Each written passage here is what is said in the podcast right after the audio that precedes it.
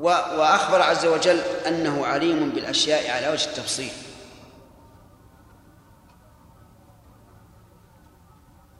في قوله تبارك وتعالى وعنده مفاتح الغيب لا يعلمها إلا هو ويعلم ما في البر والبحر وما تسقط من ورقة إلا يعلمها. من ورقة منين؟ من الأشجار. إلا يعلمها. إذا كان عز وجل يعلم سقوط الورقة فوجود الورقة من باب أولى لأن وجود خلق. إذن وجود الورق خلق وسقوطها خلق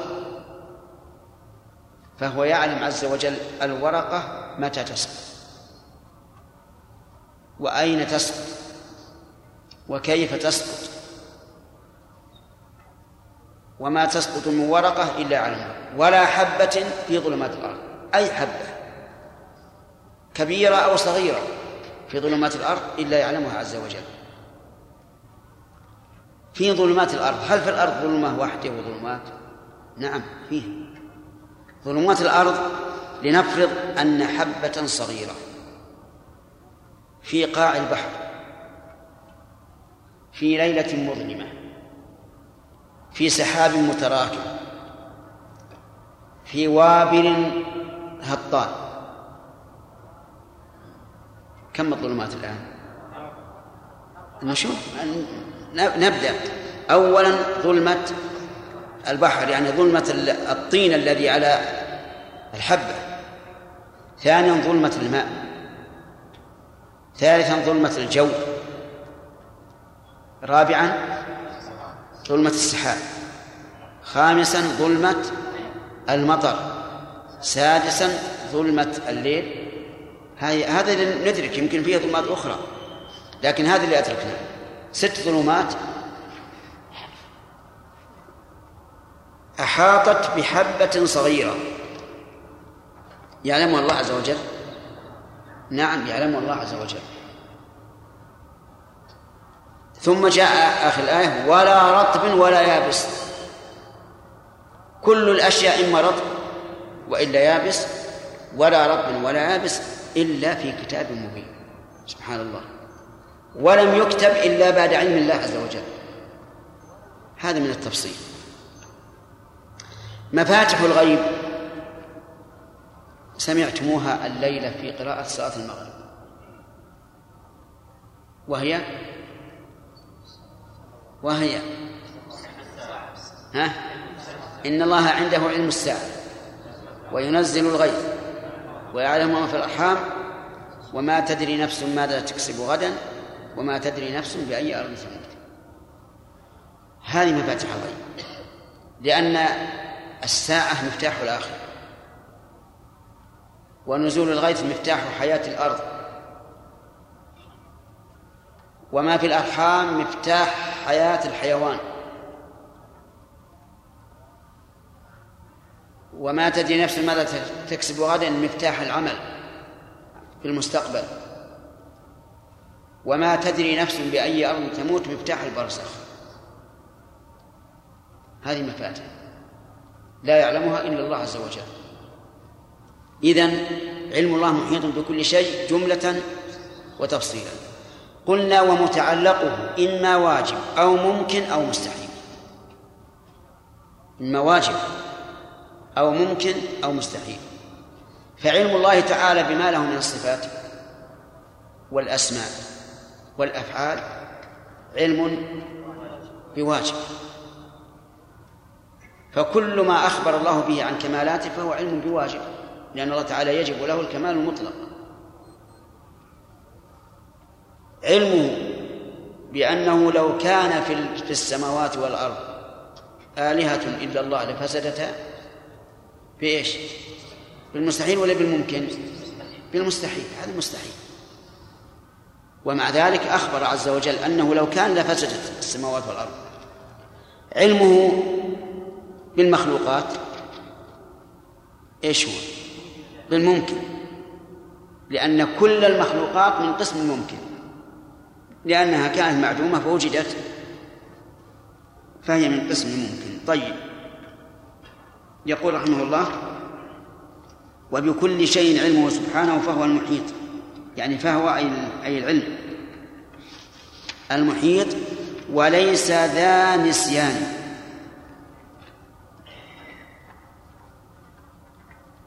يعني أن الله لا ينسى.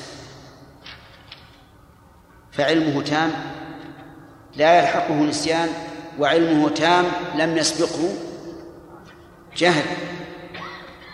وكذاك يعلم ما يكون غدا وما قد كان يعني في الماضي.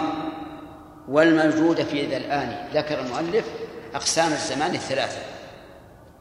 لأن الزمان إما مستقبل وإما ماض وإما حاضر.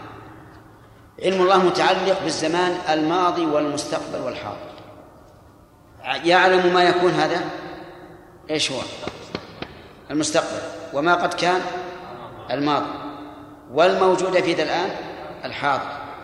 ثم أيضا علم آخر. وكذاك أمر لم يكن لو كان كيف يكون؟ يعني الشيء المستقبل يعلم متى يكون وكيف يكون.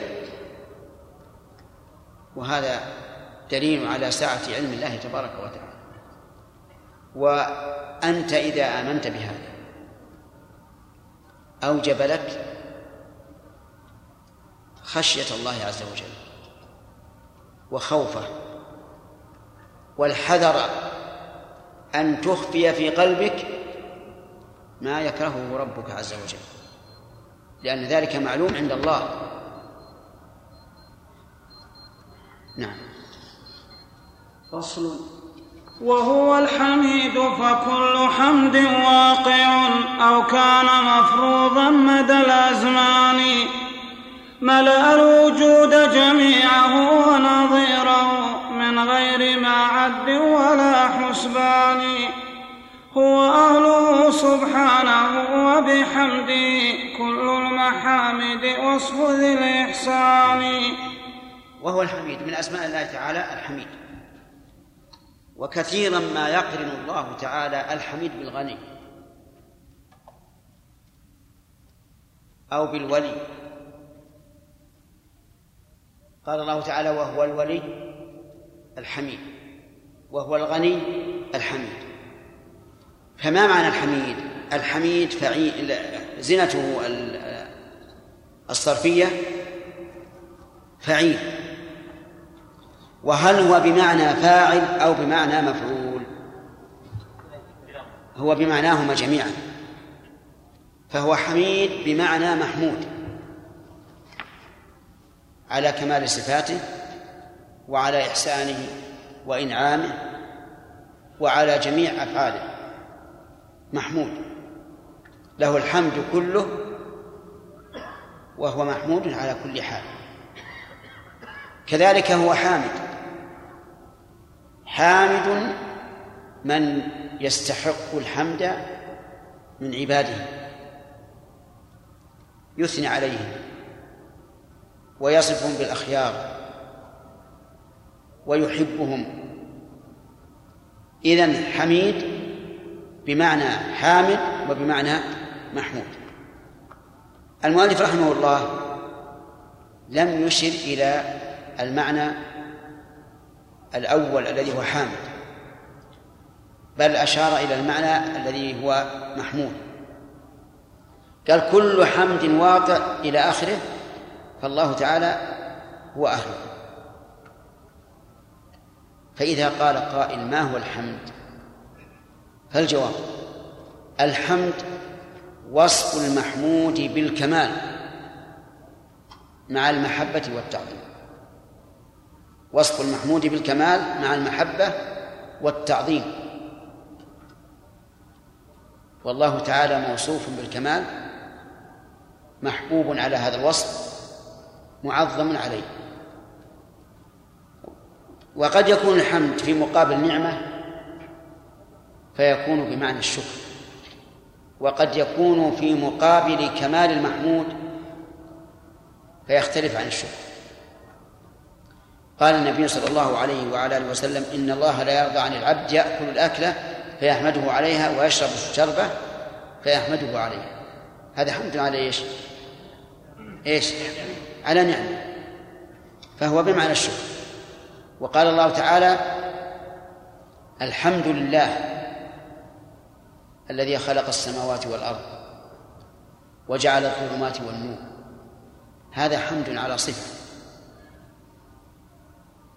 وقال تعالى وقل الحمد لله الذي لم يتخذ ولدا ولم يكن له شريك في الملك ولم يكن له ولي من الذل وكبره تكبيرا هذا الحمد على إيش؟ على كمال على كمال صفاته عز وجل. والمصلي يقول ربنا ولك الحمد حمدا كثيرا طيبا مباركا فيه ملء السماء وملء الأرض. ملء السماء وملء الأرض كيف؟ قال بعضهم هذا استعارة. تخيليه يعني أنه جعل أجساما تملأ السماء والأرض. لكن هذا القول ضعيف. والصواب أن الله تعالى مستحق للحمد الذي يملأ السماء والأرض لأن السماء والأرض من آثار كماله فيكون محمودا على ذلك.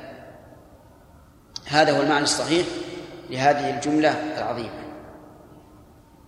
كان النبي صلى الله عليه وعلى آله وسلم إذا أصابه ما يسره قال الحمد لله الذي بنعمته تتم الصالحات.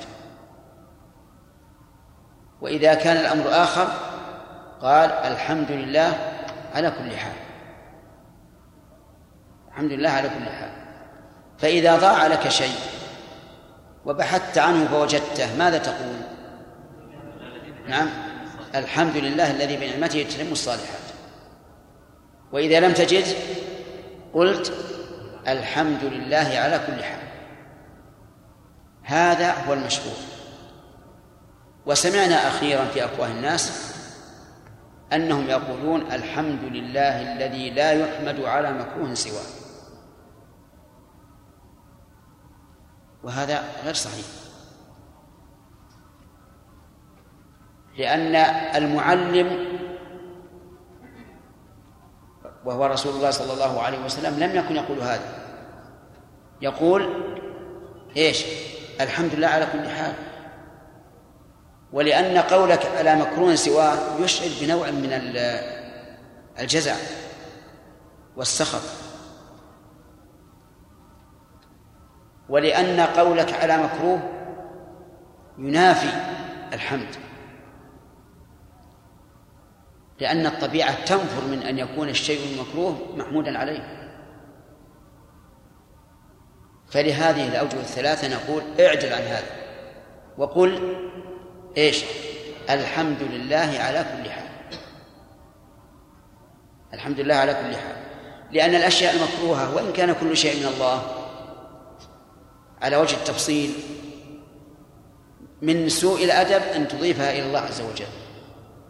ولذلك نحن نقول الله خالق كل شيء. لكن لو أضفت خلقه إلى شيء مكروه مستقبح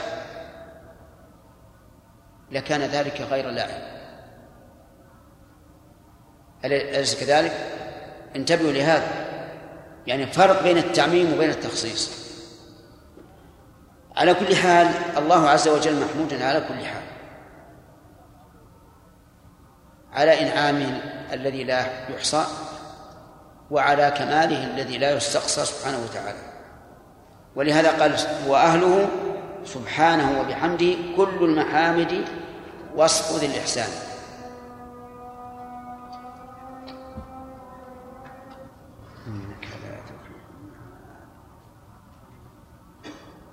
خمس دقائق للأسئلة.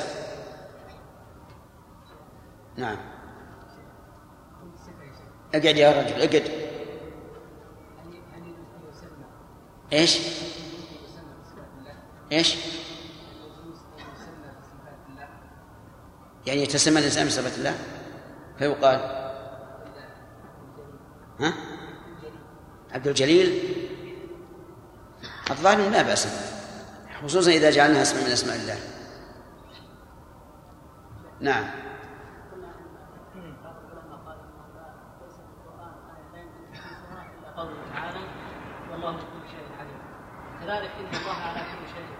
إيه؟ لا هذه يمكن تخصيصها. لأنه ما بس ما حبيت أن أتكلم معكم فيها لأنهم يقولون إن القدرة لا تتعلق إلا بالممكنات. المستحالات ليس بشيء حتى يقدر عليه.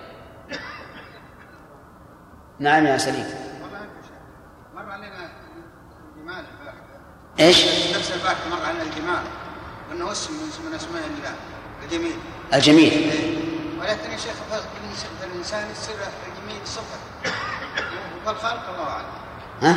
أقول فالخلق الله اعلم لكن في الخلق أقول فالانسان الجمال يصير صفه إيه والجميل من أسماء الله الآن لو لو وجدت شيئا جميلا تسميها الجميل. وفيه وصفته الجمال. فالجميل اسمه وصفته الجمال ولهذا قال النبي صلى الله عليه وعلى آله وسلم إن الله جميل يحب الجمال. خمس دقائق. نعم. في الدرس الماضي الاستواء هل هي فعلية أو ذاتية؟ لا فعلية. القاعدة كل شيء يتعلق بمشيئته فهو فعل. هذه القاعدة. لكن جنس الأفعال ذاتية. نعم.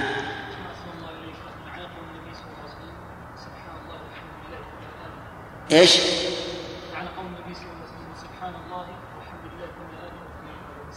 ما آخر السؤال ما سمعت. سبحان الله والحمد لله. ها. ها؟ قبل الآن؟ ها. سبحان الله الآن يعني يقصر إن, إن سبحان الله والحمد لله تملأ ما بين السماء والأرض. أو أو قال تملأان ما بين السماء والأرض. يعني أن ثوابهما ثواب عظيم. ثوابهما ثواب عظيم. ملء السماء والأرض. هذه تشبه ما ما نقوله بعد رفع الركوع.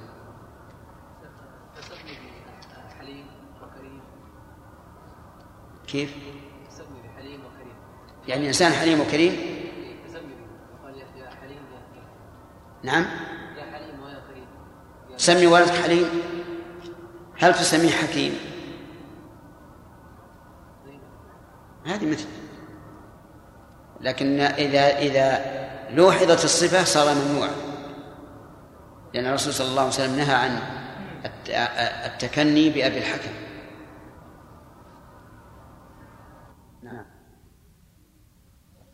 فصل وهو المكلم عبده موسى بتكليم الخطاب وقبله الأبوان كلماته جلت عن الإحصاء والتعداد بل عن حصر ذي الحسبان. لو أن أشجار البلاد جميعا الأقلام تكتبها بكل بنان. والبحر تلقى فيه سبعة أبحر لكتابة الكلمات كل زمان. نفدت ولم تنفد بها كلمات ليس الكلام من الإله بفاني هذا هذه الأبيات في الكلام. والكلام من صفات الله عز وجل لا شك. فهو جل وعلا متكلم ويتكلم. متى شاء بما شاء كيف شاء. وكلامه عز وجل بحرف وصوت. بصوت مسموع من قريب ومن بعيد وبحروف مرتبة. فقوله تبارك وتعالى بسم الله الرحمن الرحيم سمعها جبريل من الله. بصوت ولا بغير صوت؟ بصوت. هذه البسملة بحروف ولا بغير حروف؟ مرتبة ولا غير مرتبة؟ هذا هذا كلام الله. بحرف وبصوت مرتبة والصوت يكون من قريب ومن بعيد. ولهذا قال الله تعالى لموسى عن موسى قال وناديناه من جانب الطور الأيمن هذا من بعيد. وقربناه نجيا هذا من قريب. وفي الحديث الصحيح أن الله تعالى يوم القيامة ينادي يا آدم فيقول لبيك وسعديك فينادي بصوت إن الله يأمرك أن تخرج من ذريتك بعثا إلى النار فينادي بصوت قوله بصوت هذا من باب التوكيد. وإلا فإن قوله ينادي تفيد الصوت لا شك. فالله عز وجل يتكلم بما شاء متى شاء كيف شاء وقد سبق أن ذكرنا أن أن الناس اختلفوا في كلام الله على ثمانية أقوال أو سبعة وذكرنا ثلاثة منها الأصول. فهو فهو سبحانه وتعالى مكلم عبده موسى كما سمعتم. وناديناه من جانب الطور الأيمن وقربناه نجيا. بتكليم الخطاب يعني بتكليم يخاطبهم فيه وقبله الأبوان آدم وحواء. قال الله تعالى وناداهما ربهما ألم أنهكما عن تلكما الشجرة؟ ألم أنهكما عن تلكما الشجرة؟ ناداهما. ربهما ألم أنهكما عن تلكما الشجرة؟ وأقل لكما إن الشيطان لكما عدو مبين.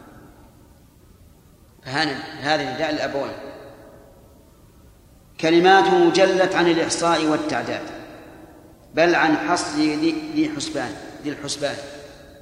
جلت يعني عظمت أن تحصى.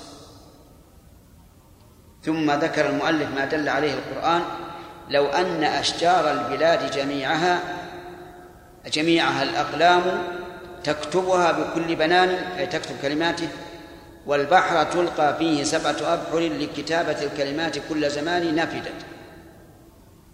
اقرأ قول الله تعالى ولو أن ما في الأرض من شجرة أقلام.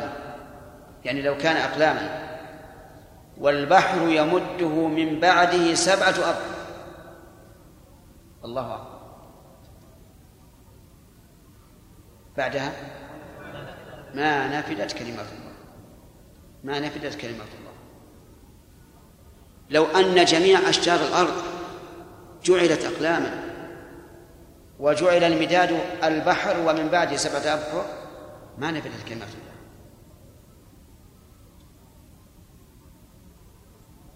إذن كلمات الله محصورة ولا غير محصورة؟ غير محصورة. هل هي أزلية أبدية أو هي حادثة بعد أن لم تكن؟ الأول هي أزلية أبدية. لم يزل ولا يزال جل وعلا متكلما. لأنه سبحانه وتعالى لم يأتي زمن وهو قبل الأزمان سبحانه وتعالى لم يأتي زمن وهو أخلص. حاشاه من هذا. بل لم يزل ولا يزال متكلما. من يحصي هذا؟ لا لا لا أحد طيب. إذا قال قائل هل الكلام يتعلق بمشيئته؟ إن شاء تكلم وإن شاء لم يتكلم. فالجواب نعم لا شك. ولا يتكلم قهرا. يتكلم بإرادة ومشيئة.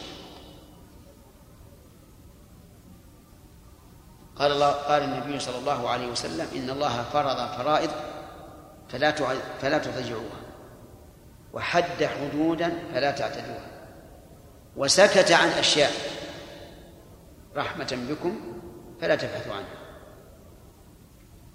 سكت يعني لم يتكلم بها وإلا يتكلم بأشياء أخرى لكن سكت عن أشياء ما هو سكوت مطلق ليس سكوتا مطلقا رحمة بكم فلا تبحثوا عنها.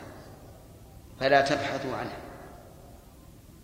إذا قال قائل إذا قلت إن الكلام يتعلق بمشيئته فإن كان كمالا فقد كمل بعد أن كان ناقصا. وإن كان نقصا فالنقص ممتنع على الله. إذن يجب عليك أن أن لا تؤمن بأن الله يتكلم. كيف تقول يتكلم يتعلق بمشيئته؟ جوابه سهل. أن نقول الكلام في موضعه كمال وفي غير موضعه ليس كمالا. فإذا اقتضت حكمة الله تعالى أن يتكلم في شيء من الأشياء وتكلم به فهو في هذا الحال كمال. وقبله ليس كمالا. إن كلام الله تعالى لآدم وحواء كان بعد خلقهما أو قبل. بعد خلقهما وبعد أكلهما من الشجر. فهو في في وقته وموضعه كمال لا شك. فتبين بهذا أن كون الكلام يتعلق بمشيئة الله ليس نقصا في حق الله. نعم. نفدت ولم تنفد بها كلمة ليس الكلام من الإله بفاني وهو القدير وليس يعجزه إذا ما رام شيئا قط ذو سلطان. وهو القوي له القوى جمعا تعالى رب ذي الأكوان والأزمان. يقول المؤلف رحمه الله وهو القدير. أي ذو القدرة التامة. والقدرة وصف يتعلق بالفاعل بحيث يفعله يفعل الفعل بلا عجز. هذا القدرة وصف يتعلق بالفاعل بحيث يفعل الفعل بلا عجز. وقد جاءت القدرة في القرآن الكريم في مواضع كثيرة. قال الله تعالى قال الله تعالى لله ملك السماوات والأرض وما فيهن وهو على كل شيء قدير. ولهذا يقول وليس يعجزه إذا ما رام شيئا إذا ما رام أي أراد شيئا قط ذو سلطان. ما حد يعجزه. مهما كان سلطانه لا, لا أحد يعجزه الله. كما سمعتم الآية الكريمة وما كان الله ليعجزه من شيء في السماوات ولا في الأرض إنه كان عليما قديرا. قال وهو القوي له القوى جمعا تعالى الله تعالى رب ذي الأكوان والأزمان. هو القوي عز وجل. له القوة جميعا. وقد افتخرت عاد بقوتها. وقالوا من أشد منا قوة؟ فقال الله تعالى أولم يروا أن الله الذي خلقهم هو أشد منهم قوة؟ ومع ذلك أهلكهم الله بأشياء بشيء لطيف لا يرى. ما هو؟ الريح. هؤلاء القوم الذين يفخرون بقوتهم أهلكهم الله بما لا يرى. وهذا غاية القوة. فالله عز وجل قوي. خلق السماوات والأرض. ولم يعي بخلقهن خلق السماوات والأرض في ستة أيام وما مسه من لغوب سبحانه وتعالى. أي ضعف يلحق من يقول للشيء كن فيكون. جميع القوى في المخلوقات من آثار قوة الله عز وجل. بمعنى أن الذي أعطاها القوى هو أولى بالقوة منه. إيمانك بأنه قوي عز وجل وبأنه قدير يفتح لك آفاقا بعيدة في أن الله تعالى سينصر دينه. وأن قوى الخلق وقدر الخلق مهما بلغت تضمحل أمام إيش؟ أمام قدرة الله وقوته. إن الأحزاب تحزبوا على رسول الله صلى الله عليه وعلى آله وسلم. واجتمع نحو عشرة آلاف من قبائل شتى من العرب وأحاطوا بالمدينة وبلغت القلوب الحناجر. وماذا سلط الله عليهم؟ سلط عليهم ريحا وجنودا لم نروه لم نراه أرسل الله عليهم ريحا وجنودا لم يرها النبي صلى الله عليه وسلم ولا أصحابه. فزلزل زلزل وقد ندب النبي صلى الله عليه وسلم رجلا في ليلة من الليالي من ليالي الأحزاب وكانت الليلة الشديدة باردة. أن يذهب إلى الأحساب ليسبر خبره. ولم يقم أحد. كلهم خائفون. ليلة شديدة الريح باردة. فقال لواحد منهم قم وهو حذيفة رضي الله عنه. لما قال قم ما كان له بد أن يتخلف قام. قام إلى إلى القوم وجعل الله هذه الريح الباردة بالنسبة لحذيفة دافئة وبدون إزعاج. حتى وصل إلى قريب من أبي سفيان. وكان زعيم القوم في ذلك الوقت قبل أن يسلم. وكان يصطلع على النار من شدة البرد. يقول حذيفة ولو شئت لأدركته بكل سهولة. لكني ذكرت قول النبي صلى الله عليه وسلم لا تحدث شيئا فامتنعت. شوف الحكمة والامتثال لأمر الله ورسوله. لو كان من هؤلاء العاطفيين نعم الذين لا يقدرون الأمور قال هذا جابه الله هذا رئيس القوم. أجعل السهم في نحر وأستريح منه. لكنه لا. علم أن الرسول عليه الصلاة والسلام أحكم منه. ويقول إنه لما رجع إلى النبي عليه الصلاة والسلام وانتهت المهمة. إيش اللي حصل؟ أحس بالبرد سبحان الله. وهذه من آيات الله عز وجل. هذه من آثار قوة الله وقدرة الله عز وجل. أنت إذا آمنت بالقدرة والقوة ماذا ماذا يحدث لك هذا الإيمان؟ يحدث لك كما قلت أنه يفتح لك آفاقا بعيدة لأن الله تعالى قادر على أن يهلك عدوه. ولكن ولو شاء الله كما قال عز وجل ولو شاء الله لانتصر منهم ولكن ليبلو بعضكم. كذلك أيضا يوجب لك الخوف من الله وأن الله قادر على أن ينزل بك عقوبته وقوي في ذلك. فإن قال قائل ما الفرق بين القوة والقدرة؟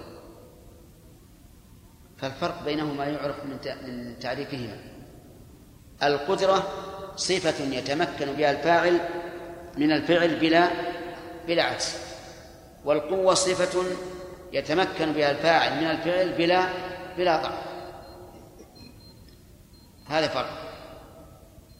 ثانيا القدرة لا يوصف بها إلا من له إرادة. والقوة يوصف بها من له إرادة ومن لا إرادة له. فمثلا تقول الحديد قوي ولا تقول قادر. أليس كذلك؟ طيب. في الأول آه، فرق بين التعريف. لو أن رجلا قلنا له احمل هذه الصخرة. فجعل يزحزحها ثم حملها. لكن بكل تعب احمر وجهه وقام نفسه يتكرر بسرعة. لكنه حملها ماذا نقول له؟ قادر؟ طيب. وقلنا للآخر أحمل هذه الصخرة. قال هذه بس هذه أحملها. إن نعم. قال كذا ورفع على فوق رأسه. ماذا نقول؟ قول. نعم. آه، جاء الأسئلة. ما في أسئلة؟ نعم.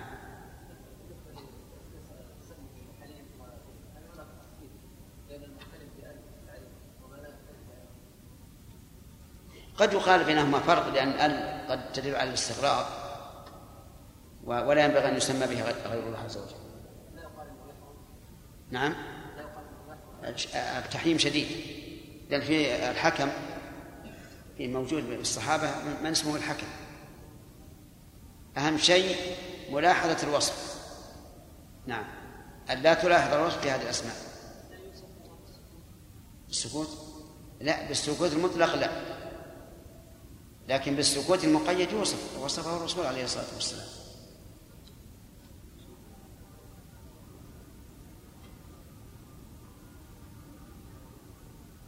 طيب. سليم.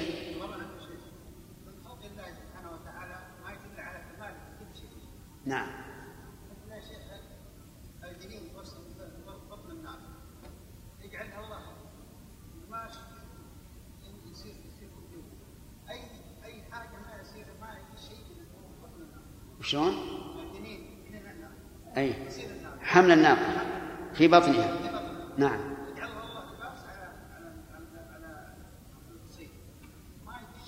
لو يجي في بطنه ما ما يجي سبحان الله. غشاء غشاء. اي كيس. اي ها؟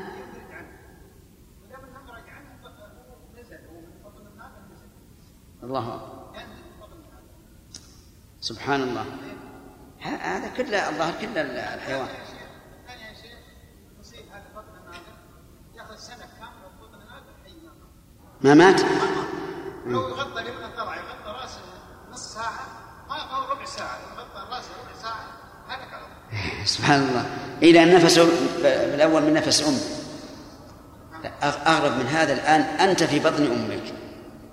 أين وجهك؟ إلى ظهر الأم. الإنسان في بطن أمه وجهه إلى ظهر الأم وظهره إلى بطن الأم. حكمة. لأنه إذا صار ظهره من, من, من جهة البطن وصار دق ضربه على البطن بطن الأم ما يتأثر لأن الظهر قوي. ووجهه على ظهر الأم لأن ظهر الأم قوي يقين. فإذا أراد الله إخراجه عز وجل حصلت حركة. حصلت حركة ثم انقلب على رأسه هذا الجنين. انقلب على رأسه وخرج. ولو نزل على الصفة التي هو عليها ما ما خرج من بطن أمه. لكن إذا إذا خرج على رأسه سهل خروج اليدين والرجلين وهذا من حكمة الله عز وجل.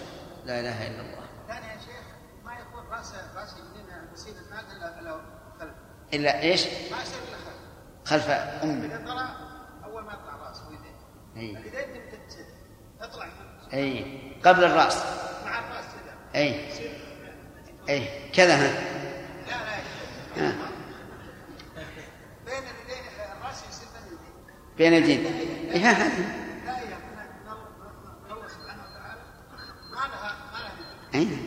يا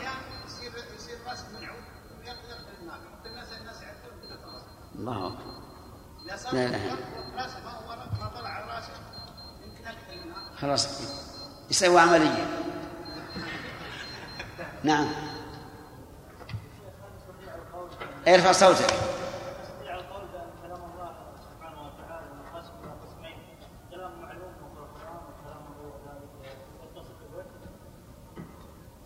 الله يقول يتكلم بما شاء كيف شاء متى شاء. كما قال السلف. ومن المعلوم أننا لا نحيط بما يخلقه الله. والله عز وجل يقول إنما أمره إذا أراد شيئا أن يقول له كن. وكل مراد لله فهو. مراد خلقه لله فهو مخلوق بالكلمة كن. ونحن لا لا نعلم المخلوقات كلها.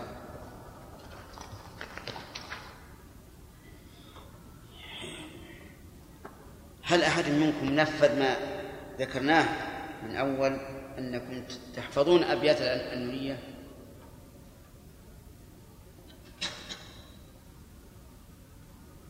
ولا واحد. الشرط بيني وبينكم هذا. نعم. ها؟ الحمد لله الآن ذكرتك اجتهد. على الأقل الأشياء المهمة يعني تعرف ال- ال- الأسماء. معانيها. نبدأ. وهو الغني بذاته فغناه ذاتي له كالجود والإحسان. وهو العزيز فلن يرى رحمه الله وهو- وهو الغني يعني واسع الإنفاق لا ينفد ما عنده. كما أخبر بذلك النبي صلى الله عليه وعلى آله وسلم حين قال يد الله مولى يد الله مولى سحى الليل والنهار. لا يغيضها نفقة. أرأيتم ما أنفق منذ خلق السماوات والأرض؟ فإنه لم يغض ما في يمينه. فهو غني. وقوله بذاته يعني ليس أحد من عليه بغنى. ولكنه غني بذاته لأنه عز وجل موجد كل شيء.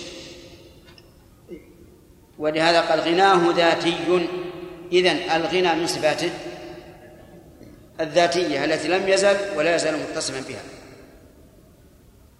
كالجود والإحسان وهذا هو التفضل على الغير إذن فهو غني وجواد ومحسن.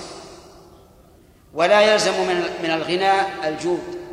ولا الإحسان لكن بالنسبة للرب عز وجل يلزم من غناه جوده وإحسانه. فهو غني بذاته وهو جائد على مخلوقاته سبحانه وتعالى. نعم. وهو العزيز فلا يرام جناب أن يرام جناب للسلطان. وهو العزيز القاهر الغلاب لم يغلبه شيء هذه صفتان وهو العزيز بقوة هي وصفه فالعز حينئذ ثلاث معاني العزيز من أسماء الله عز وجل وهو كثير في القرآن وله ثلاث معاني الأول أنه لا يستطيع أحد أن يناله بسوء لقوله فلن يرام جنابه. يعني لن يدرك ولم يوصل إليه عز وجل ولا يستطيع أحد أن يناله بسوء مأخوذ من قولهم أرض عزاز والأرض العزاز هي الأرض الصلبة القوية بخلاف الرمل فإنه سهل. الرمل تركز العصا به ويغيص لكن الأرض الصلبة لا تحتاج إلى معاون. هذا أصل المادة. لكن بالنسبة لله عز وجل لا نفسر عزته بذلك بل نقول هو العزيز الذي لن يصل إليه سوء من أي أحد. هو أيضا العزيز القاهر الغلاب. من عز يعز إذا قوي وغلب. ومنه قول الله تبارك وتعالى عن المنافقين. يقولون لئن رجعنا إلى المدينة ليخرجن الأعز منها الأذل. يريدون بالأعز أنفسهم وبالأذل رسول الله صلى الله عليه وعلى آله وسلم وأصحابه. فماذا أجيب؟ ولله العزة. ولم يقل والله أعز. قال ولله العزة ولرسوله. وهذا يعني أن المنافقين عليهم الذل. والمهانة والخزي وليس لهم من العزة شيء. ولله العزة ولرسوله وللمؤمنين. ولكن المنافقين لا يعلمون. وهو العزيز القاهر الغلاب لم يغلبه شيء. هذه صفتان. وهو العزيز بقوة هي وصفه. عزة القوة. الذي لا أحد أقوى منه. فهو جل وعلا له ثلاث له العزة بمعانيها الثلاث. هي وصفه فالعز حينئذ ثلاث معاني. وهي التي كملت له سبحانه من كل وجه عادم النقصان نعم. وهو الحكيم وذاك من أوصافه نوعان أيضا ما هما عدمان؟ حكم وإحكام فكل فكل حكم وإحكام فكل منهما نوعان أيضا ثابت البرهان والحكم شرعي وكوني ولا يتلازمان وما هما سيان بل ذاك يوجد دون هذا مفردا والعكس أيضا ثم يجتمعان لن يخلو المربوب من إحداهما أو منهما بل ليس ينتبيان لكنما الشرعي محبوب له أبدا ولن يخلو من الأكوان. هو أمره الديني جاءت رسله بقيامه في سائر الأكوان لكنما الكوني فهو قضاء في خلقه بالعدل والإحسان.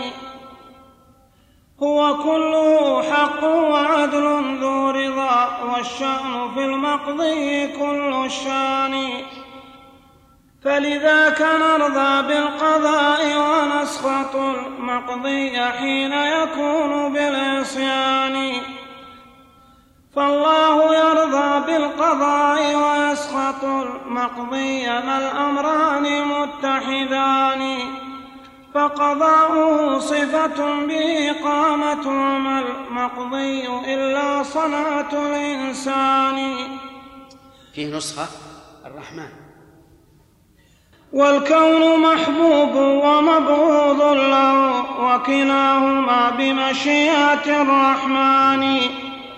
هذا البيان يزيل لبسا طالما هلكت عليه الناس كل زمان ويحل ما قد عقدوا بأصولهم وبحوثهم فافهموا فهم بيان. من وافق الكوني وافق سخطه إن لم يوافق طاعة الديان. فلذاك لم يعدوه ذم أو فوات الحمد مع أجر ومع رضوان. وموافق الدين لا يعدوه أجر بل له عند الصواب اثنان. الحكيم من أوسع الأسماء تعلق لأنه مشتق من الحكم والإحكام. الإحكام الذي هو الحكم الذي هو الحكمة والإتقان. فيقول مالك رحمه الله وهو الحكيم وذاك من أوصافه نوعان. يعني أن. أن الوصف الذي اشتمل عليه اسم الحكيم نوعان. حكم وإحكام.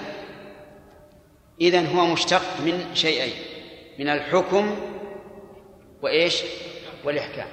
وعلى هذا فيكون حكيم بمعنى حاكم كعليم بمعنى عالم ويكون حكيم بمعنى محكم كسميع بمعنى مسمع في قول الشاعر أم الريحانة الداعي السميع؟ يؤرقني وأصحابي هجوع. قول أم الريحانة الداعي السميع يؤرقني. معنى السميع؟ المسمع. يؤرقني وأصحابي هجوع وعلى هذا انتبه. الحكيم مشتق من إيش؟ من الحكم والإحكام. فعلى تقدير اشتقاقه من الحكم يكون بمعنى حاكم. وعلى تقدير اشتقاقه من الإحكام يكون بمعنى محكم.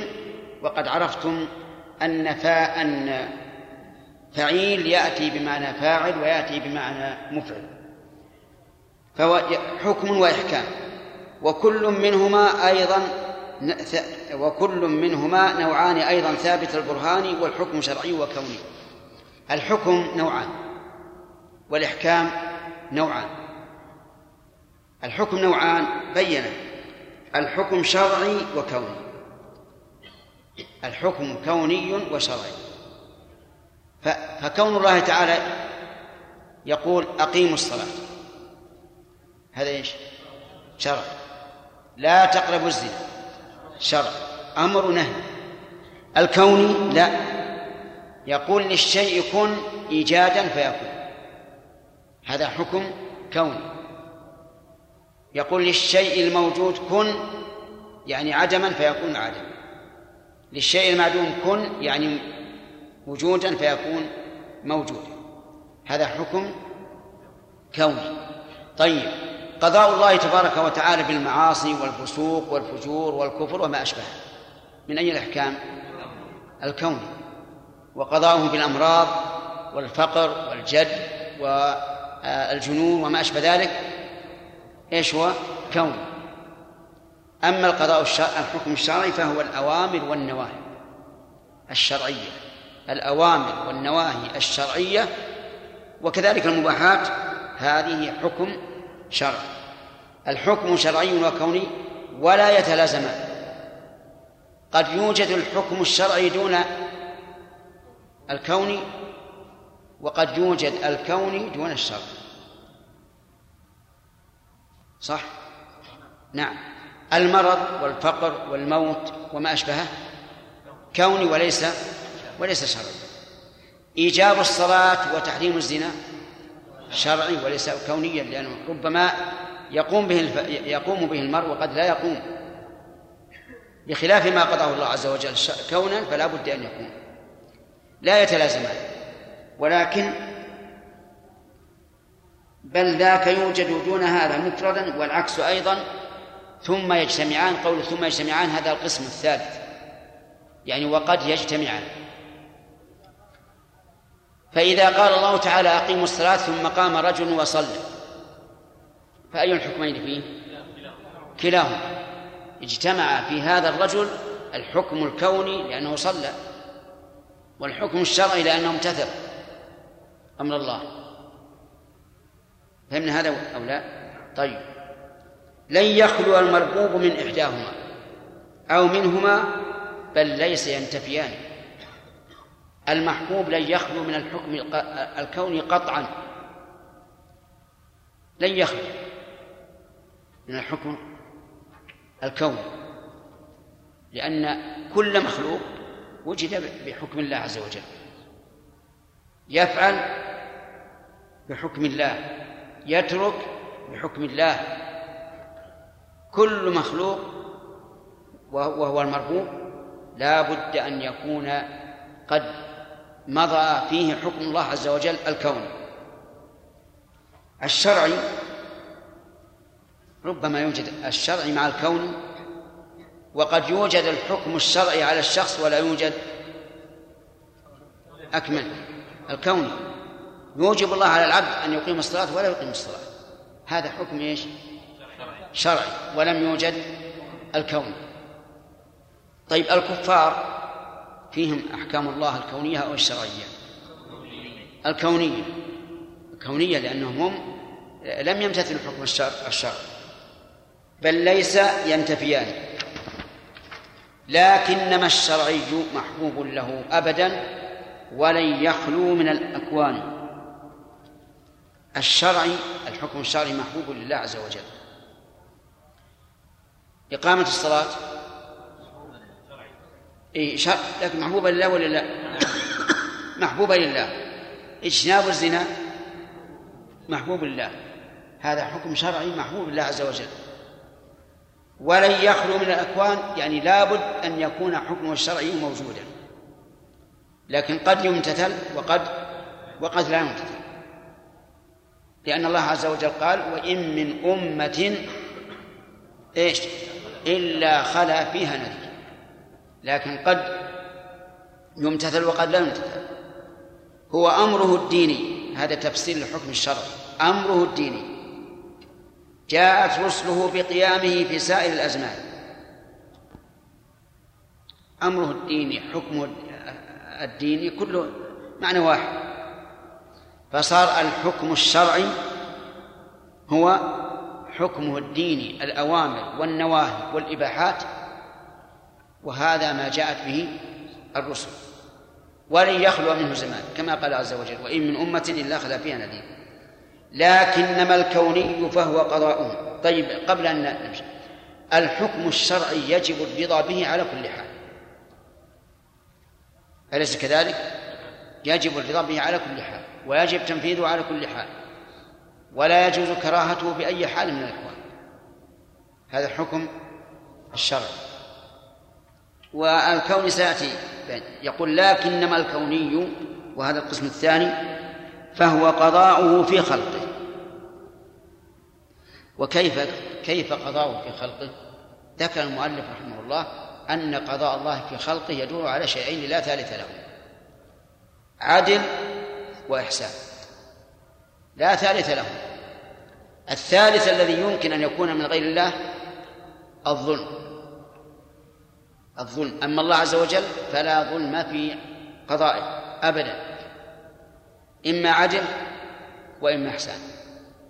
من جاء بالحسنة فله عشر أمثالها هذا إيش؟ ومن جاء بالسيئة فلا يجزى إلا مثلها. هذا عدل. ولذلك قال بالعدل والإحسان هو كله حق وعدل ذو رضا. كل قضاء الله حق. كل قضاء الله عدل. طيب. أصيب الناس بحروب أصيبوا بجد أصيبوا بأمراض. ما هذا؟ عدل ولا إحسان ولا ظلم؟ عدل. وهو عدل لكنه إحسان من جهة أخرى. هو عدل عدل لا شك لكنه من جهة أخرى إحسان. بينه الله تعالى في قوله ظهر الفساد في البر والبحر بما كسبت أيدي الناس. إذن عدل ولا ولا ظلم؟ عدل ليذيقهم بعض الذي عملوا لعلهم يرجعون. إذن النتيجة إحسان. حتى الجزاء جزاء السيئات في الدنيا هو في الحقيقة إحسان. ولهذا جاء في الحديث إذا أحب الله عبدا عجل له العقوبة عجل له العقوبة في الدنيا حتى يوافي ربه وما عليه ذنب. حتى يوافي الله وما عليه ذنب. وإذا أراد الله بعبد غير ذلك تأخرت العقوبة وعذاب الآخرة أشد وأبقى. عذاب الآخرة أشد وأبقى. إذن قضاء الله سبحانه وتعالى دائر بين العدل والإحسان وكله حق كله عدل كله مرضي. هذا بالنسبة يا إخواننا إيش لكن في إيش؟ بالنسبة للقضاء. ولكن يقول الشأن في المقضي كل الشأن. المقضي هو الذي فيه التفصيل. المقضي فيه التفصيل. هل يجب علينا أن نرضى بكل بكل مقضي؟ عجيب لا. إلا الشرعي يجب علينا أن نرضى بكل مقضي شرعي. يجب علينا أن نؤمن بوجوب الصلاة بتحريم الزنا وما أشبه ذلك. لكن في الكون لا ما يلزم علينا الرضا بكل مقضي. وذلك أن المقضي إما أن يكون مما يكرهه الله أو مما يحبه الله. فإن كان مما يكرهه الله وجب علينا أن نكرهه. كفر الكافرين لا شك أنه من بالنسبة لقضاء الله له إيش؟ حق وعدل وحكمة. لكن المقضي وهو الكفر لا. لا يلزمنا أن نرضى به بل لا يجوز أن نرضى به. هذا بالمقضي لكننا لا نعترض على الله ونقول ليش قتل الكفر؟ لماذا لم يجعل الناس كلهم على الإيمان؟ هذا حرام. إنما المقضي فيها أقسام. آه، ما كرهه الله يجب علينا أن نكرهه. ما أحبه الله يجب علينا أن نحبه. واضح؟ هذا في الأمور الشرعية. في المصائب يعني في الأمور الكونية إذا أصيب الإنسان بمصيبة فله أربع مراتب له أربع مراتب. الجزع الصبر الرضا الشكر. إذا أصيب الإنسان بمصيبة كونية كالمرض مثلا موت الأحباب فقد الأموال وما أشبه ذلك فله أربع مقامات أو مراتب. الأول الصبر. خطأ. حسب ترتيبي خطأ. نعم. الجزاء. الأول الجزاء. أن يجزع من قضاء الله. إما بلسانه وإما بفعاله وإما بقلبه. إما بلسانه مثل أن يدعو بالويل والثبور كما يدعو أهل الجاهلية. يا ويلاه يا ثبوراه وانقطاع ظهراه وما أشبه ذلك. بالفعل كشق الجيب أو نتف الشعر أو مخشى الخدود. هذا بإيش؟ بالفعل. بالقلب يجزع من الله. يعني يقول في قلبه كيف ابتلاني الله عز وجل وقد عافى فلانا وفلانا. فيتسخط على الله عز وجل. نسأل الله السلامة. ما حكم هذا؟ ما هذا محرم حتى إن النبي صلى الله عليه وسلم تبرأ من فاعله. قال ليس منا من ضرب الخدود وشق الجوب ودعا بدعوى الجاهلية. ولما مر امرأة عند قبر تبكي على ولدها. قال لها اتق الله واصبر. ولكنها لم تفعل. وقالت إنك لم يعني قولا معناه أنك لم تصب بمصيبتي انصرف الرسول عليه الصلاة والسلام فقيل لها هذا رسول الله. فجاءت تعتذر. فقال لها إنما الصبر عند الصدمة الأولى. وصدق الرسول عليه الصلاة والسلام. المقام الثاني الصبر. الصبر. بمعنى أن الإنسان يتألم جدا جدا من المصيبة ويتمنى أنها لم تكن حدثت لكنه صابر لم يتسخر لا بقوله ولا بفعله ولا بقلبه. صابر. يقول إنا لله وإنا إليه راجعون ويصبر. هذا واجب ولا ولا غير واجب؟ واجب. لأنه صبر عن المحرم والصبر عن المحرم واجب. الثالث الرضا. الرضا أن تكون المصيبة عند الإنسان ليس بينه آه، ليس بين وجودها وعدمها فرق. يعني هو ما تألم ذاك التألم لأنه يقول في نفسه أنا عبد الله عز وجل. يفعل بي ما شاء. إن أعطاني شكرت وإن ابتلاني صبرت. فالكل عنده سواء. هذه لا شك أنها أعلى أعلى مرتبة من الصبر. ولهذا اختلف العلماء رحمهم الله هل الرضا بالمصائب واجب أو مستحب؟ والجمهور على أنه مستحب. الجمهور على أنه مستحب وليس بواجب. ترى هذا بالنسبة لإيش؟ بالنسبة للمقضي ولا للقضاء؟ للمقضي. أما القضاء فيجب الرضا به على كل حال. والرضا بالقضاء هو من مقتضى قول القائل رضيت بالله ربا. طيب. لكن هذا الذي رضي هل نقول إذا بكى دل ذلك على عدم رضاه؟ لا. قد يبكي رحمة. قد يبكي رحمة. أو يبكي يتذكر مثل اجتماعه بهذا الشخص وما أشبه ذلك. فيتجدد له الحزن. هذا لا ينافي الرابع الشكر. الشكر إذا أصيب كيف يشكر وهو مصاب؟ قال العلماء يتصور هذا بأن يذكر أن هذه المصيبة تكفر السيئات تكفر السيئات ومع الاحتساب ترفع الدرجات. وأيضا هذه المصيبة عقوبة عجلت له في الدنيا. والعقوبة إذا عجلت في الدنيا فهي أهون من تأخيرها في الآخرة. فيشكر على هذا.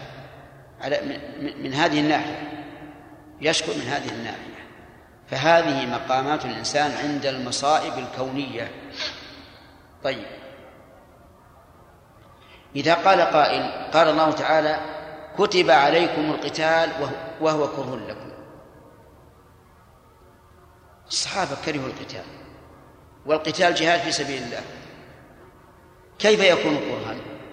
نقول إن كرههم ليس للكتب ليس للكتابة عليهم. هم بالنسبة للكتابة راضون وسينفذون.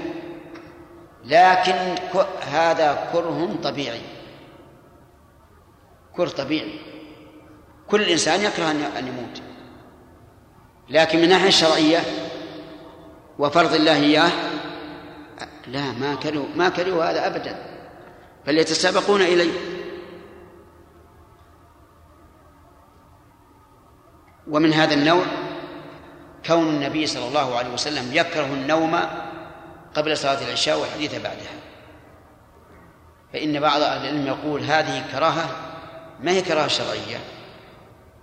وأنه ككراهته أكل البصل والثوم. لكن هذا فيه فيه نظر وفيه تردد. الخلاصة يا إخوان الحكم نوعان شرعي وكوني. فالشرعي هو أمره الديني الذي جاءت به الرسل. والكون ما يقضيه الله تعالى في خلقه وهو دائم بين أمرين لا ثالث له. هما العدل والإحسان. القضاء بالنسبة الحكم بالنسبة للشرعي يجب علينا أن نرضى به سواء كان أمرا نعم سواء كان مأمورا به أو منهيا عنه. الكوني نقول أما أصل القضاء فيجب علينا أن نرضى به لأن هذا من مقتضى رضا الإنسان بالله ربا. والمقضي إيش؟ فيه التفصيل. فله الإنسان أربع مقامات. طيب المقضي الشرعي. المقضي الشرعي قلنا يجب الرضا به على كل حال.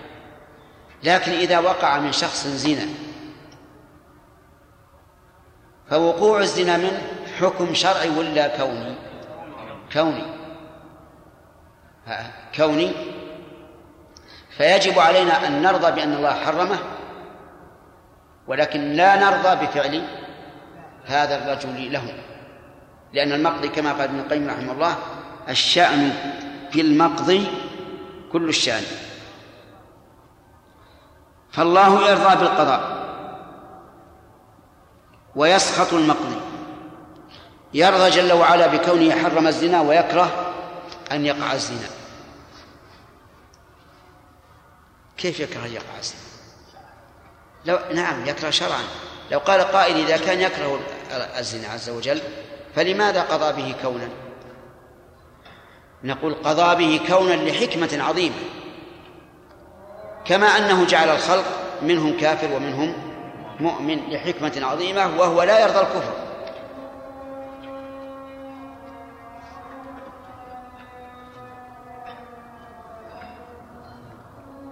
اللهم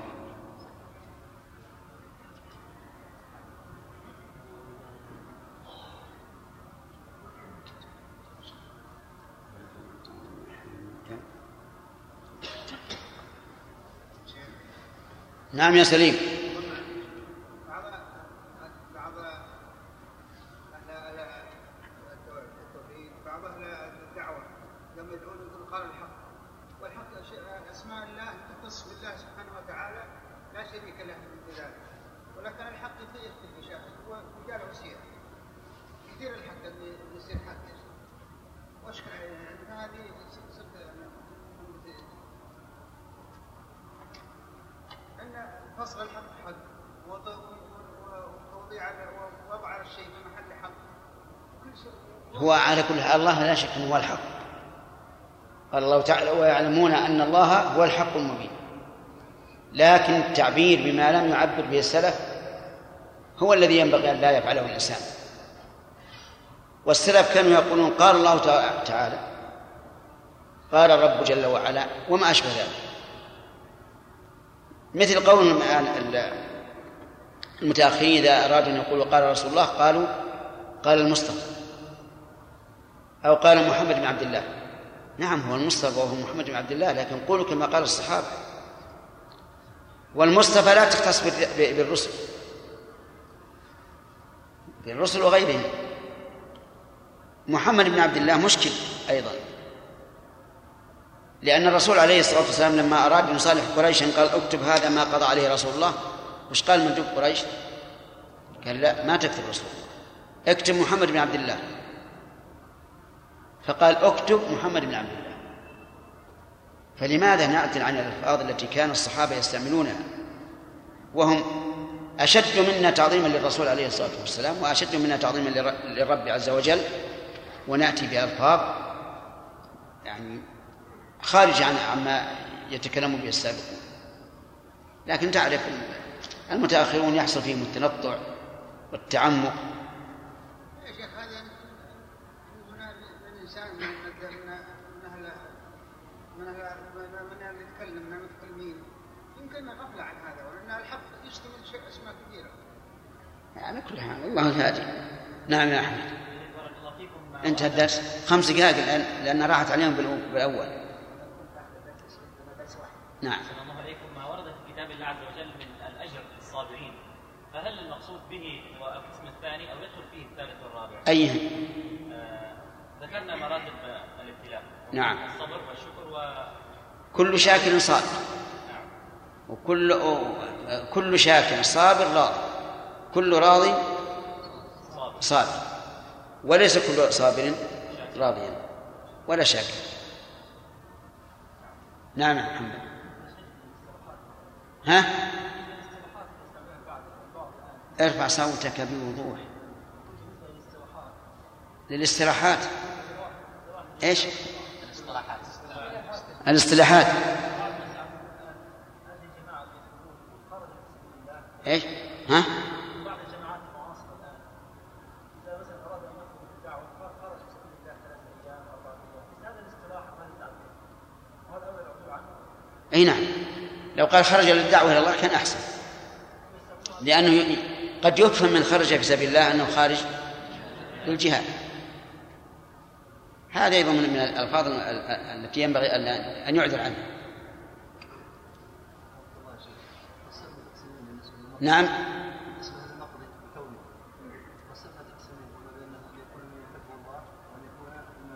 هذا في الشرع.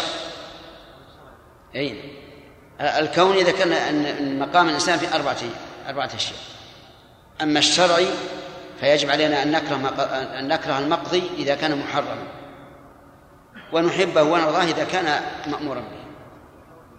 نعم؟ إيه؟ نعم؟ نعم نحبه كون الله قضاه. لكن لا نحبه باعتبار كونه مقضيا. لأن لأننا نعلم أن الله تعالى لم يقضه إلا إلا الحكمة. انتهى الوقت. طيب يقول رحمه الله فقضاؤه صفة. نعم. فلذاك نرضى بالقضاء ونسخط المقضي حين يكون بالعصيان. فالله يرضى بالقضاء ويسخط المقضي. يرضى عز وجل أنه قضى على عباده بالكفر والإيمان ويسخط الكفر. طيب. ما الأمران متحدان؟ قوله ما الأمران متحدان نشنف أسماعكم من حيث الإعراب. هل هذا الإعراب مخالف للمشهور من لغة العرب أو موافق؟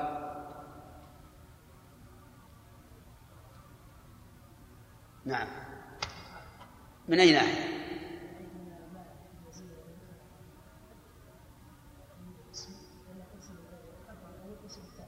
طيب. رفع المبتدا والخبر. إذا قال لك إنه تميمي انتهى الإشكال؟ وإذا قال لك إنه قرشي لكن يرى أن المثنى يلزم الألف مطلقا. خلاص؟ إذا فيها لها مخرج لها مخرج. إما أن يقال إن أن المؤلف رحمه الله مشى على لغة بني تميم. وإما أن يقال إنه مشى على لغة من يلزمون المثنى الألف مطلقا. ولكن أقول لكم بالنسبة للمؤلفين الذين ألفوا بعد تغير ال- اللسان هذا يجب أن يمشوا على لغة قريش التي هي لغة القرآن. لكن إذا أتاك رجل يريد أن يجادل فله له مخرج. نعم. يقول فقضاؤه صفة به قامت قضاؤها الذي هو فعل عز وجل أو شرع تشريع للشيء صفة قامت به. وما المقضي إلا صنعة الإنسان. وفي نسخة الرحمن. يعني إلا مصنوع. فصنع هنا بمعنى مصنوع. والكل والكون محبوب ومبغوض له وكلاهما بمشيئة الرحمن. يعني الواقع كونا منه ما هو محبوب لله مثل مثل الطاعات. ومنه ما هو مبغوض له كالمعاصي. وكلاهما بمشيئة الرحمن. المحبوب له والمبغوض له كلاهما بمشيئته.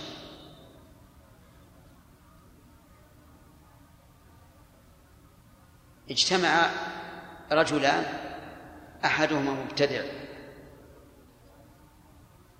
فلما جلس أو جاء قال سبحان من تنزه عن الفحشاء. سبحان من تنزه عن الفحشاء وش تقولون في الكلام؟ ها؟ ظاهره صحيح ففطن له الآخر وهو من أهل السنة قال سبحان من لا يكون في ملكه إلا ما يشاء الأول أراد أن أن يعني معنى كلامه أن المعاصي غير مرادة لله المعاصي غير مرادة لله وهذا أحد القولين من مذهب القدرية. لأن القدرية منهم من يقول جميع أفعال العبد لا تدخل في مشيئة الله ومنهم من يقول المعاصي لا تدخل في مشيئة الله لأن الله لا يرضاها والطاعات تدخل في مشيئة الله. فقال سبحان من تنزع عن الفحشاء يعني إيش؟ أن المعاصي غير مخلوقة لله وغير مرادة لله. فقال سبحان من لا يكون في ملكه إلا ما يشاء. فقال له الأول أرأيت إن منعني الهدى وقضى علي بالردى أحسن إلي أم أساء جواب سؤال محرج.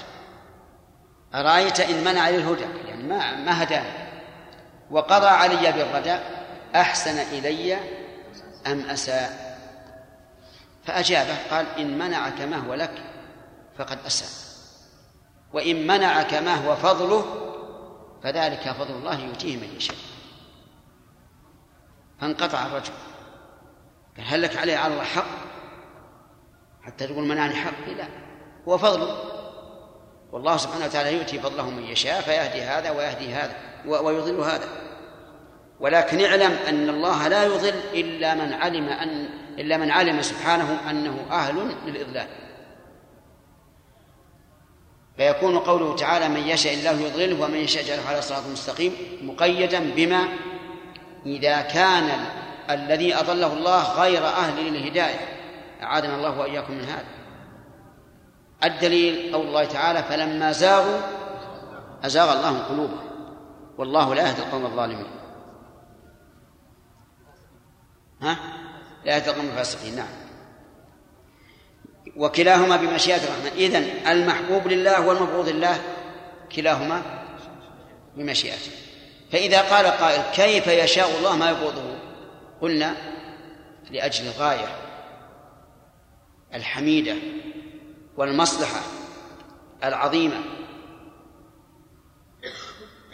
ونضرب لهذا مثلا برجل له طفل يحبه حبا شديدا. ويكره أن يخرج به إلى الشمس خوفا من حرها. فمرض الطفل. فجاء الطبيب وقال لابد أن نكويه في بطنه أو في رأسه. يكويه؟ النار حارة ولا باردة؟ حار والرجل يتقي الشمس خوفا من أن تحتمي على ولده. فهل يكره هذا فهل يكره أبو الطفل أن يكوى أو لا يكره؟ ها؟ يكره بدون سبب يكره لكن للغاية يحب أن يكوى. فيقول جل اكوى. فالله عز وجل قد يريد الكفر والمعاصي لغاية حميدة.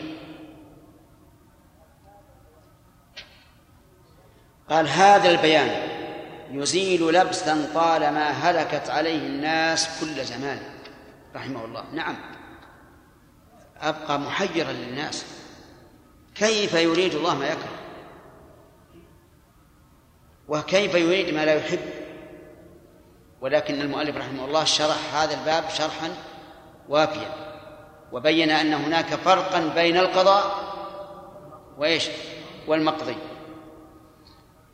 ويحل ما قد ما قد عقدوا بأصولهم وبحوثهم. فافهمه فهم بيان من وافق الكونية وافق سخطه إن لم يوافق طاعة الديان من وافق القضاء الكوني وليس هذه الموافقة موافقة لطاعة الله فهذا وقع في سخط الله لكنه بقضاء الله. أي القضاء؟ الكوني ومراده رحمه الله إن لم يوافق طاعة الديان يعني إن كان مخالفا للطاعة. وذلك لأن الأشياء إما واجب أو حرام أو مباح. فمراد ابن القيم رحمه الله الحرام. فلذاك لا يعدوه ذم أو فوات الحمد مع أجر وما فلذاك لا يعدوه ذم أو فوات الحمد مع أجر ومع ومع رضوان. يعني هذا الذي وافق الذي وافق الكوني دون الشرعي مذموم. وإن وافق الشرعي فهو يقول رحمه الله إنه آه، لا يعدوه الأجر. لا يعدوه الأجر. بل إما أن يكون له أجران وإما أن يكون له أجر واحد. متى يكون أجران إذا وافق الحكم الشرعي وإن خالفه مع الاجتهاد فله أجر واحد. نعم. فصل. والحكمة العليا على نوعين أيضا حصن بقواطع البرهان. إحداهما في خلقه سبحانه نوعان أيضا ليس يفترقان. إحكام هذا الخلق إذ إحكام هذا الخلق إذ إيجاده في غاية الإحكام والإتقان.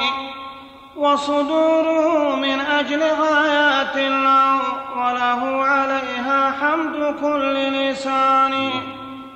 والحكمة الأخرى فحكمة شرعه أيضا وفي هذان كالوصفان غاياتها اللائي حمدن وكونها في غاية الإتقان والإحسان. الحكمة لما انتهى من الكلام على الحكم شرع في الكلام على الحكمة التي هي الأحكام. على نوعين. حكمة في الخلق وحكمة في الشرع. حكمة في الخلق وحكمة في الشرع. الحكمة في الخلق أيضا نوعان. إحكام هذا الخلق والثاني غايات الغاية من هذا الخلق. إحكام والثاني الغاية منه. فهي حكمة ذاتية صورية وحكمة غائية. اسمع. إحكام هذا الخلق. إذ إيجاده في غاية الإحكام والإتقان. تأمل السماء الأرض الشمس القمر النجوم. تجدها كلها بهذا الترتيب والنظام مطابقة للحكمة. كما قال الله عز وجل وقدره منازل وهو الذي جعل الشمس ضياء والقمر نورا وقدره منازل لتعلموا عدد السنين والحساب. هذا التقدير المرتب الذي لا يفوت ولا يتغير منذ خلق إلى اليوم وإلى أن يشاء الله وكذلك الشمس النجوم. الإنسان وتركيبه على هذا الشكل وبهذه القامة وبإيداع ما أودعه الله تعالى في قواه الظاهرة والباطنة. كونه على هذا الوجه إيش؟ موافق الحكمة الغاية من هذا الخلق. الغاية من هذا الخلق أيضا حكمة. ولهذا قال وصدوره من أجل غايات له وله عليها حمد كل لسان فصار الحكمة في الخلق من وجهين. الأول إيجاد الخلق على هذه الصورة. والثاني الغايات من هذا الخلق. قال الله عز وجل هو الذي خلق والموت الموت والحياة. إيش؟ ليبلوكم أيكم أحسن عملا. أيضا الشر. الشر له حكمتان. الحكمة الأولى كونه على هذا الوجه. والحكمة الثانية الغاية منه. فكونه على هذا الوجه صلاة زكاة صيام حج هذه غاية غاية حكمة عظيمة.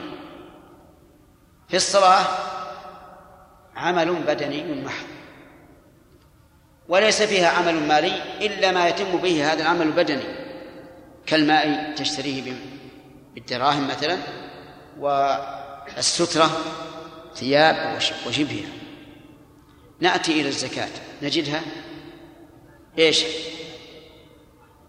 عبادة مالية. لأن من الناس من يهون عليه أن يصلي ألف ركعة ويشق عليه أن يتصدق بدرهم. أليس كذلك؟ نعم. ويقال إن رجلا عثر وعليه نعل. فانقطع اصبعه فقال الحمد لله في الأصبع ولا في النعل نعم. اي نشد الأصبع. لكن هو الأصبع ما يهمه. الأصبع شاف السنة لكن آه، عنده أن النعل شديد.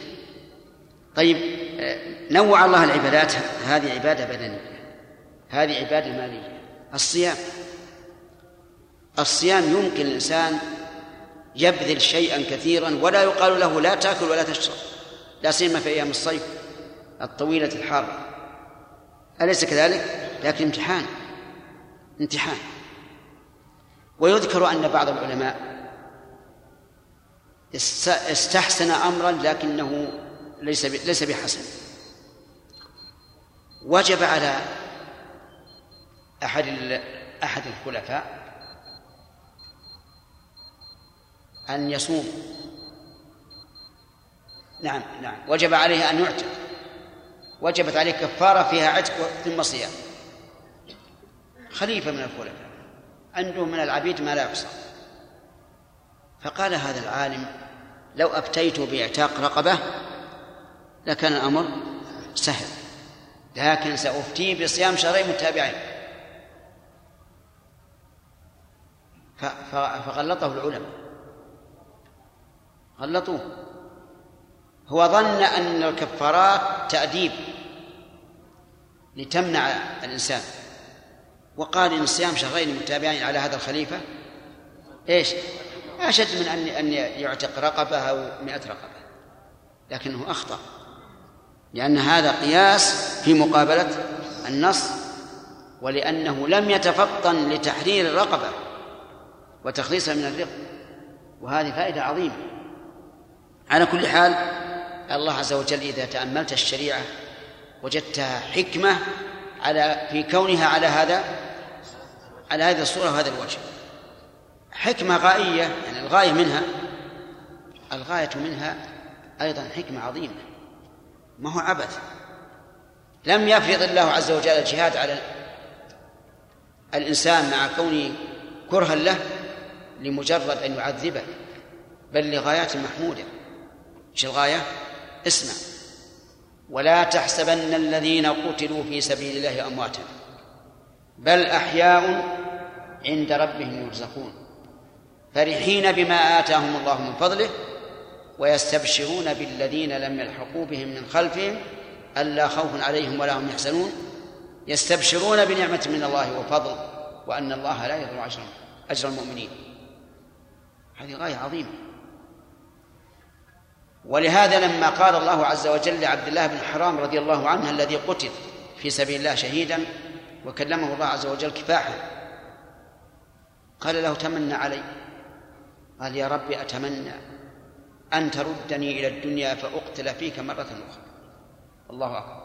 قال الله لا. هذا لا يمكن. معنى الكلام الإلهي إني قضيت أنهم إليها لا يرجعون. ما في رجوع. لكن كيف تمنى هذا وهو في الدنيا؟ يقول الله عز وجل كتب عليكم القتال وهو كره لكم. لكن تمنى هذا لأنه وجد الغاية الحميدة العظيمة. الله أكبر. طيب والحكمة الأخرى فحكمة شرعه أيضا وفيها ذلك الوصفان غاياتها اللائي حمدنا هذه واحدة. وكونها في غاية الإتقان والإحسان. نفس الشرائع كلها حكمة عظيمة متقنة على أكمل وجه. فيها عدل ولا إحسان؟ فيها إحسان. فيها إحسان. ما فيها ظلم بل كلها إحسان. ولهذا قال الله عز وجل هل جزاء الإحسان إلا الإحسان؟ فهي إحسان للعباد. حتى أن الله عز وجل أعطى عباده قاعدة عامة. اتقوا الله ما استطعتم. لا يكلف الله نفسا إلا وسعها. ليس عليكم جناح فيما أخطأتم به ولكن ما تعمدت قلوبكم. المؤلف رحمه الله بدأ في الحكمة في الخلق بدأ بالحكمة الأولى.